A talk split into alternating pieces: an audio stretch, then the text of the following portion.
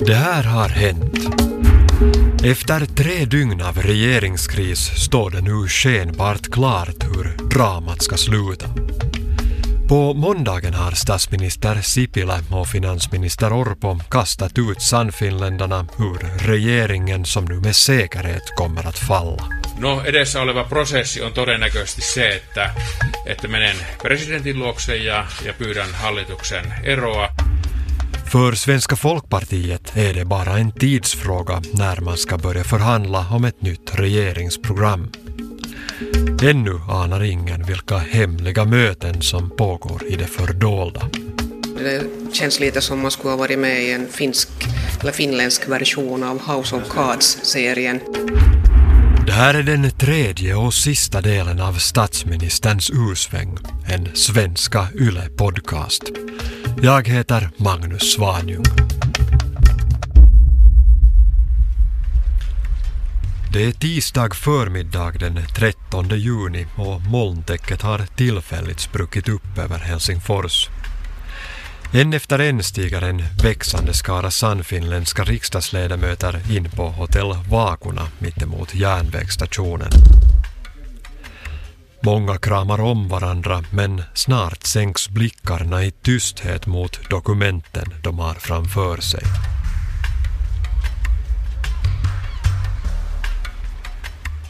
I samma stund klockan 10.46 mottar svenska riksdagsgruppen en preliminär inbjudan från Centerns riksdagsgrupp. Enligt inbjudan ska man samlas samma kväll klockan 18 och innan dess är det skäl att förbereda sig för en grundlagsenlig process för att bilda ny regering. Svenska riksdagsgruppens ordförande Stefan Wallin utlyser nu en presskonferens till samma eftermiddag. No, vi tänkte att vi ska vara öppna och proaktiva i en situation som vi då ännu på morgonen bedömde vara sannolik att, att det blir en regeringsförhandling.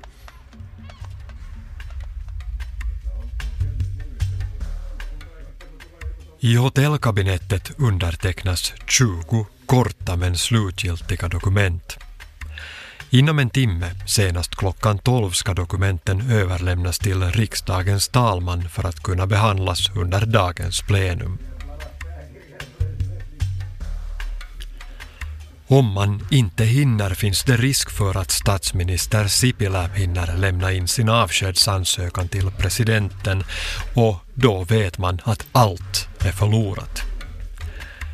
Timo Soini tar nu för sista gången av sig sin berömda gulblå pins med partiets logo och namn.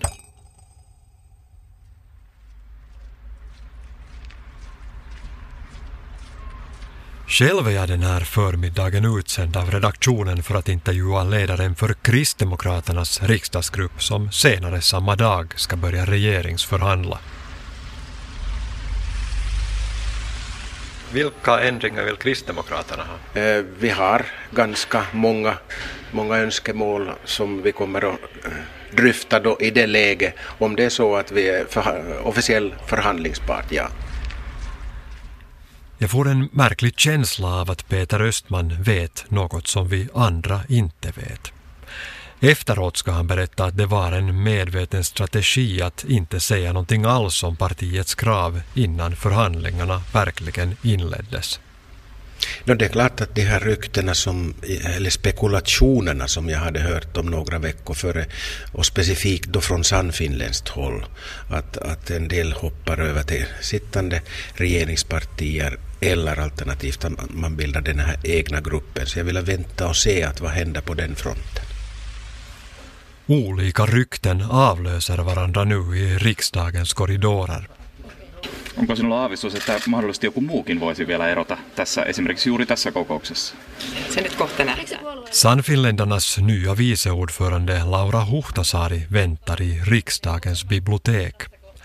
Exakt klockan 13 ska riksdagsgruppen inleda sitt möte. Plötsligt inser alla vad som håller på att hända.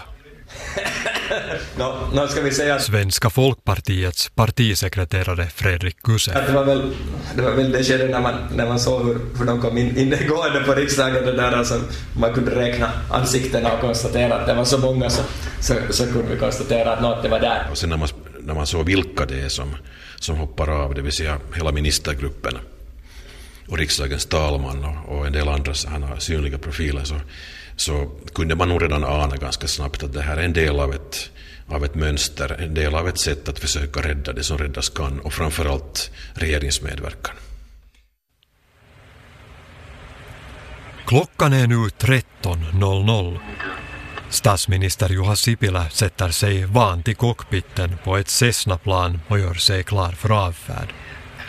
Han har bestämt sig för att köra själv. Senast klockan 15 måste han vara hos presidenten för att överlämna sin och regeringens avskedsansökan. I Sannfinländarnas grupprum knäpper riksdagsledamoten Simon Elo en bild som han skickar till Sipilä.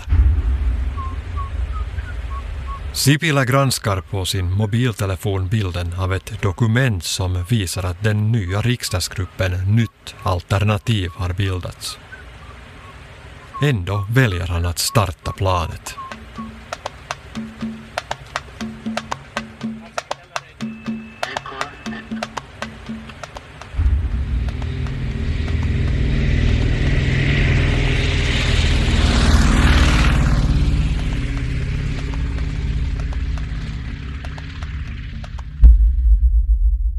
Ja, nyt tulee. Ja. Tilaa tähän, niin I riksdagens bibliotek framträder nu den tidigare okända Simon Elo som ordförande för en alldeles ny riksdagsgrupp. sillä tänään päätimme yhdessä, keitä me olemme. Hyvät mediaedustajat, minulla on kaksivuotias poika. Minä haluan katsoa häntä silmiin myös jatkossa. Ja, det är faktiskt så att äh, denna partiet som vi alla var medlemmar äh, finns inte ännu efter lördag. Vad är skillnaden mellan dem och er? Ja, det är ganska klart. Kan du lite utveckla det? Ja, det är klart.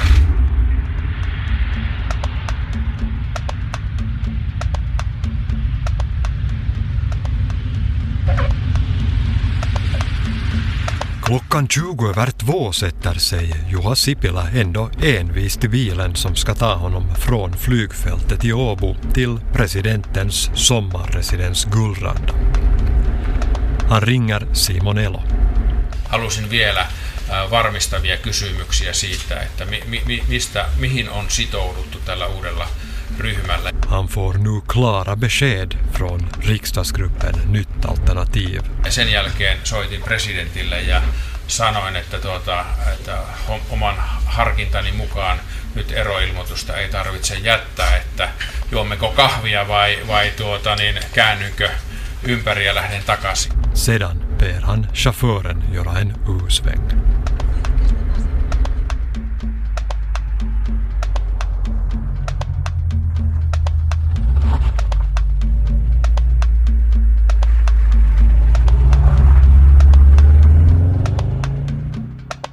Hallituskriisi on nyt peruttu.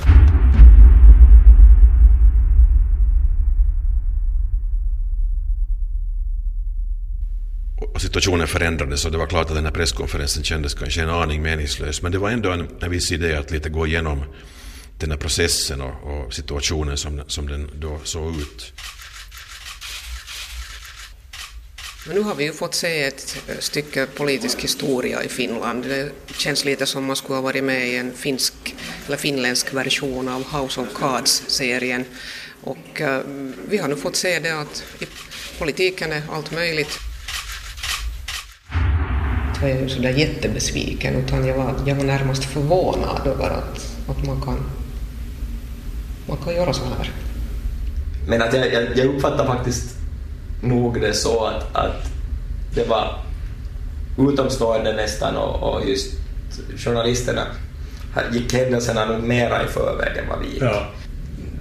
Vi, vi hade, hade nog inte, inte tagit på det viset ut det på förhand att vi skulle som räkna med att det här var klappat och klart. Jag, var nog, jag kom nog aldrig in i något sånt här ivrigt skede faktiskt inte, utan jag vet inte, det, det kanske hör till min natur att jag är nu med fötterna på jorden och jag, det var nog inga glädjetjut. Det vet nog alla som, som var runt omkring mig att det, det fanns nog inte några sådana stora hurrarop i något sammanhang utan, utan eh, det, det är nog att, att hålla huvudet kallt och vara pragmatisk och, och, och fundera bara att, att vad, vad är nästa steg och inte sen heller tro att, att saker och ting är lättare än vad de är. Personligen var man ju lättad. Eva Biodé. För man är naturligtvis rädd att, att även om vi skulle ha varit jätteduktiga, vilket vi brukar vara, och klara av att förhandla väldigt mycket, så vinner man ju aldrig allt.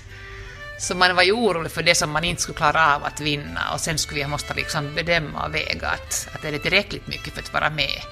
Åtminstone jag var rädd för att det finns extra mycket smärtsamma för mig i den här konstellationen. Vi skulle ha krävt att regeringen avgår, att det blir nya regeringsförhandlingar och ett nytt regeringsprogram och också minister portföljfördelningen skulle vara på bordet. Och det här skulle naturligtvis vara en klart besvärligare sits för honom än det att han kan fortsätta med samma regeringsprogram och de kvarvarande ministrarna från de gamla Sannfinländarna.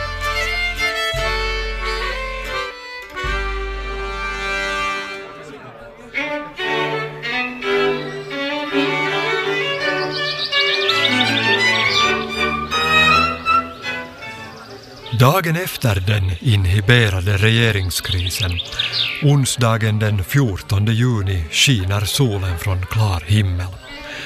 Vi befinner oss på de politiska journalisternas traditionella sommarfest hos statsministern på Villa Bjällbo.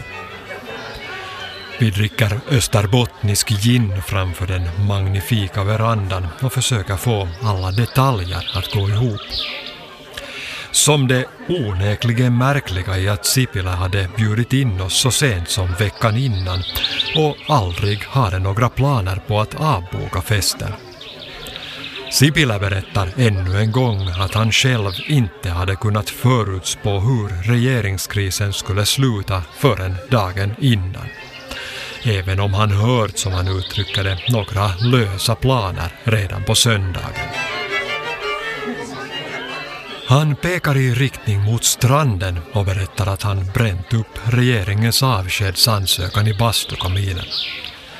Senare på kvällen kastar vi pil där nere. Reglerna är tuffa. Man får två kast och avståndet är långt. Rekordet, berättar man, innehas tills vidare av det eviga regeringspartiets, SFPs, Stefan Wallin. Det här var den sista delen av statsministerns U-sväng. Poddserien produceras av Svenska Yle. För ljudarbetet står Roger Ojala och själv heter jag Magnus Svanjung. Innan vi avslutar ställer jag en sista fråga till Anna-Maja Henriksson. Hur svarar du om Sipilä nu får problem med avhopp och måste rädda sin regering igen? Det är nog ett ganska kort samtal i så fall. Att då, då kan jag ju bara beklaga, beklaga situationen och det där konstatera att, att det finns en paragraf i grundlagen för nyval.